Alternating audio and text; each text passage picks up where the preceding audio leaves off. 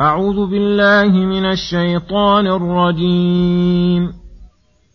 ليس البر أن تولوا وجوهكم قبل المشرق والمغرب ولكن البر من آمن بالله واليوم الآخر والملائكة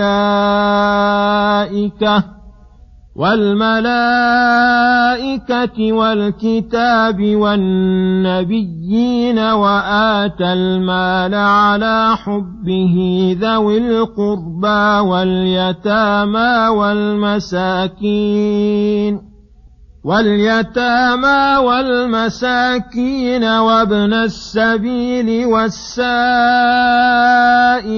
وفي الرقاب وأقام الصلاة وآتى الزكاة والموفون بعهدهم إذا عاهدوا والصابرين في البأساء والضراء وحين البأس اولئك الذين صدقوا واولئك هم المتقون بسم الله الرحمن الرحيم. السلام عليكم ورحمة الله وبركاته. يقول الله سبحانه ليس البر أن تولوا وجوهكم قبل المشرق والمغرب. الآيات أي ليس هذا هو البر المقصود. أي ليس هذا هو البر المقصود من العباد. فيكون كثرة البحث فيه والجدال من العناء الذي ليس تحته إلا الشقاق والخلاف. وهذا نظر قوله صلى الله عليه وسلم ليس الشديد بالسرعة إنما الشديد الذي يملك نفسه عند غضب ونحو ذلك.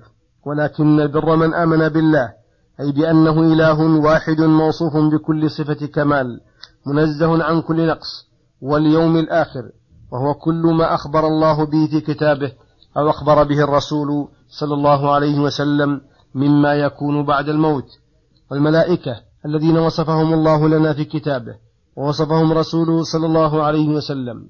والكتاب أي جنس الكتب التي أنزلها الله على رسوله وأعظمها القرآن فيؤمن بما تضمنه من الأخبار والأحكام. والنبيين عموما خصوصا خاتمهم وأفضلهم محمد صلى الله عليه وسلم. وآتى المال وهو كل ما يتموله الإنسان من مال قليلا كان أو كثيرا. أي أعطى المال على حبه أي حب المال. بين به أن المال محبوب للنفوس فلا يكاد يخرجه العبد. فمن أخرجه مع حبه له.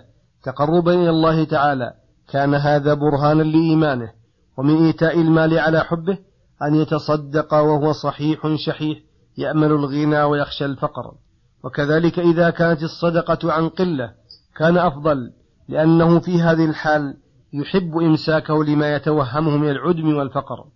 وكذلك إخراج النفيس من المال وما يحبه من ماله كما قال تعالى لن تنالوا البر حتى تنفقوا مما تحبون فكل هؤلاء ممن آتى, من آتى المال على حبه ثم ذكر المنفق عليهم وهم أولى الناس ببرك وإحسانك.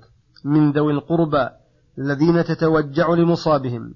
وتفرح بسرورهم الذين يتناصرون ويتعاقلون فمن أحسن البر وأوفقه تعاهد الأقارب بالإحسان المالي والقولي على حسب قربهم وحاجتهم.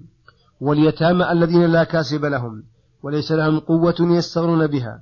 وهذا من رحمته تعالى بالعباد الدالة على أنه تعالى أرحم بهم من الوالد بولده.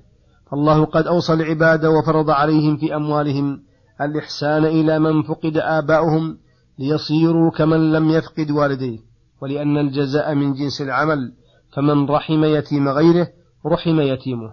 والمساكين وهم الذين أسكنتهم الحاجة وأذلهم الفقر فلهم حق على الأغنياء بما يدفع مسكنتهم أو يخففها بما يقدرون عليه وبما يتيسر وابن السبيل وهو الغريب المنقطع به في المنقطع به في غير بلده. فحث الله عباده على إعطائه من المال ما يعينه على سفره لكونه مظنة الحاجة وكثرة المصارف.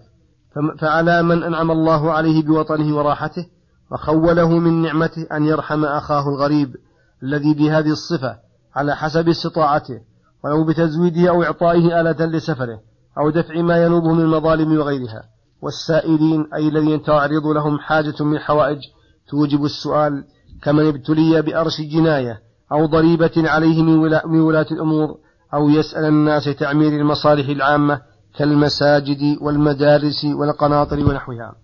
فهذا له الحق فإن كان غنيا وفي الرقاب فيدخل فيه العتق والإعانة عليه وبذل مال للمكاتب ليوفي, سيد ليوفي سيده وفداء الأسرى عند الكفار أو عند الظلمة وأقام الصلاة وآتى الزكاة قد تقدم مرارا أن الله تعالى يقرن بين الصلاة والزكاة لكونهما أفضل العبادات وأكمل القربات عبادات قلبية وبدنية ومالية وبهما يوزن الإيمان ويعرف ما مع صاحبه من الإيقان.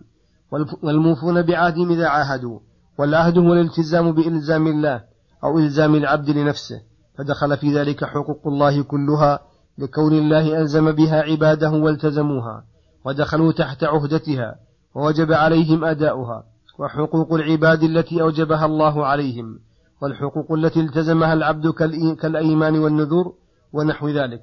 والصابرين في البأساء أي الفقر لأن الفقير يحتاج إلى الصبر من وجوه كثيرة لكونه يحصل له من الآلام القلبية والبدنية المستمرة ما لا يحصل لغيره. فإن, فإن, فإن تنعم الأغنياء بما نقدر عليه تألم وإن جاع أو جاعت عياله تألم وإن أكل طعاما غير موافق لهواه تألم وإن عري أو كاد تألم وإن نظر إلى ما بين يديه وما يتوهم من المستقبل الذي يستعد له تألم وإن أصابه البرد الذي لا يقدر على دفعه تألم فكل هذه ونحوها مصائب يؤمر بالصبر عليها والاحتساب ورجاء الثواب من الله عليها. والضراء أي المرض على اختلاف أنواعه من حمى وقروح ورياح ووجع عضو حتى الضرس وأصبع ونحو ذلك. فإنه يحتاج إلى الصبر على ذلك لأن النفس تضعف والبدن يألم وذلك في غاية المشقة على النفوس خصوصا مع تطاول ذلك فإنه يؤمر بالصبر احتسابا لثواب الله تعالى وحين البأس أي وقت القتال للأعداء المأمور بقتالهم لأن الجلادة يشق غاية المشقة على النفس فيجزع الإنسان من القتل أو الجراح أو الأسر. فاحتيج إلى الصبر في ذلك احتسابا ورجاء لثواب الله تعالى الذي منه النصر والمعونة التي وعدها الصابرين. أولئك أي المتصفون بما ذكر من العقائد الحسنة والأعمال التي هي آثار الإيمان وبرهانه ونوره والأخلاق التي هي جمال الإنسان وحقيقة الإنسانية. فأولئك الذين صدقوا في إيمانهم لأن أعمالهم صدقت إيمانهم وأولئك هم متقون لأنهم تركوا المحظور وفعلوا المأمور. لأن هذه أمور مشتملة على كل خصال الخير تضمنا ولزوما لأن الوفاء بالعهد يدخل فيه الدين كله ومن قام بها كان بما سواها أقوم فهؤلاء الأبرار الصادقون متقون. قد وقد علم رتب الله على هذه الأمور الثلاثة من الثواب الدنيوي والأخروي مما لا يمكن تفصيله في مثل هذا الموضع. وصلى الله وسلم على نبينا محمد وعلى آله وصحبه أجمعين. إلى الحلقة القادمة غدا إن شاء الله. السلام عليكم ورحمة الله وبركاته.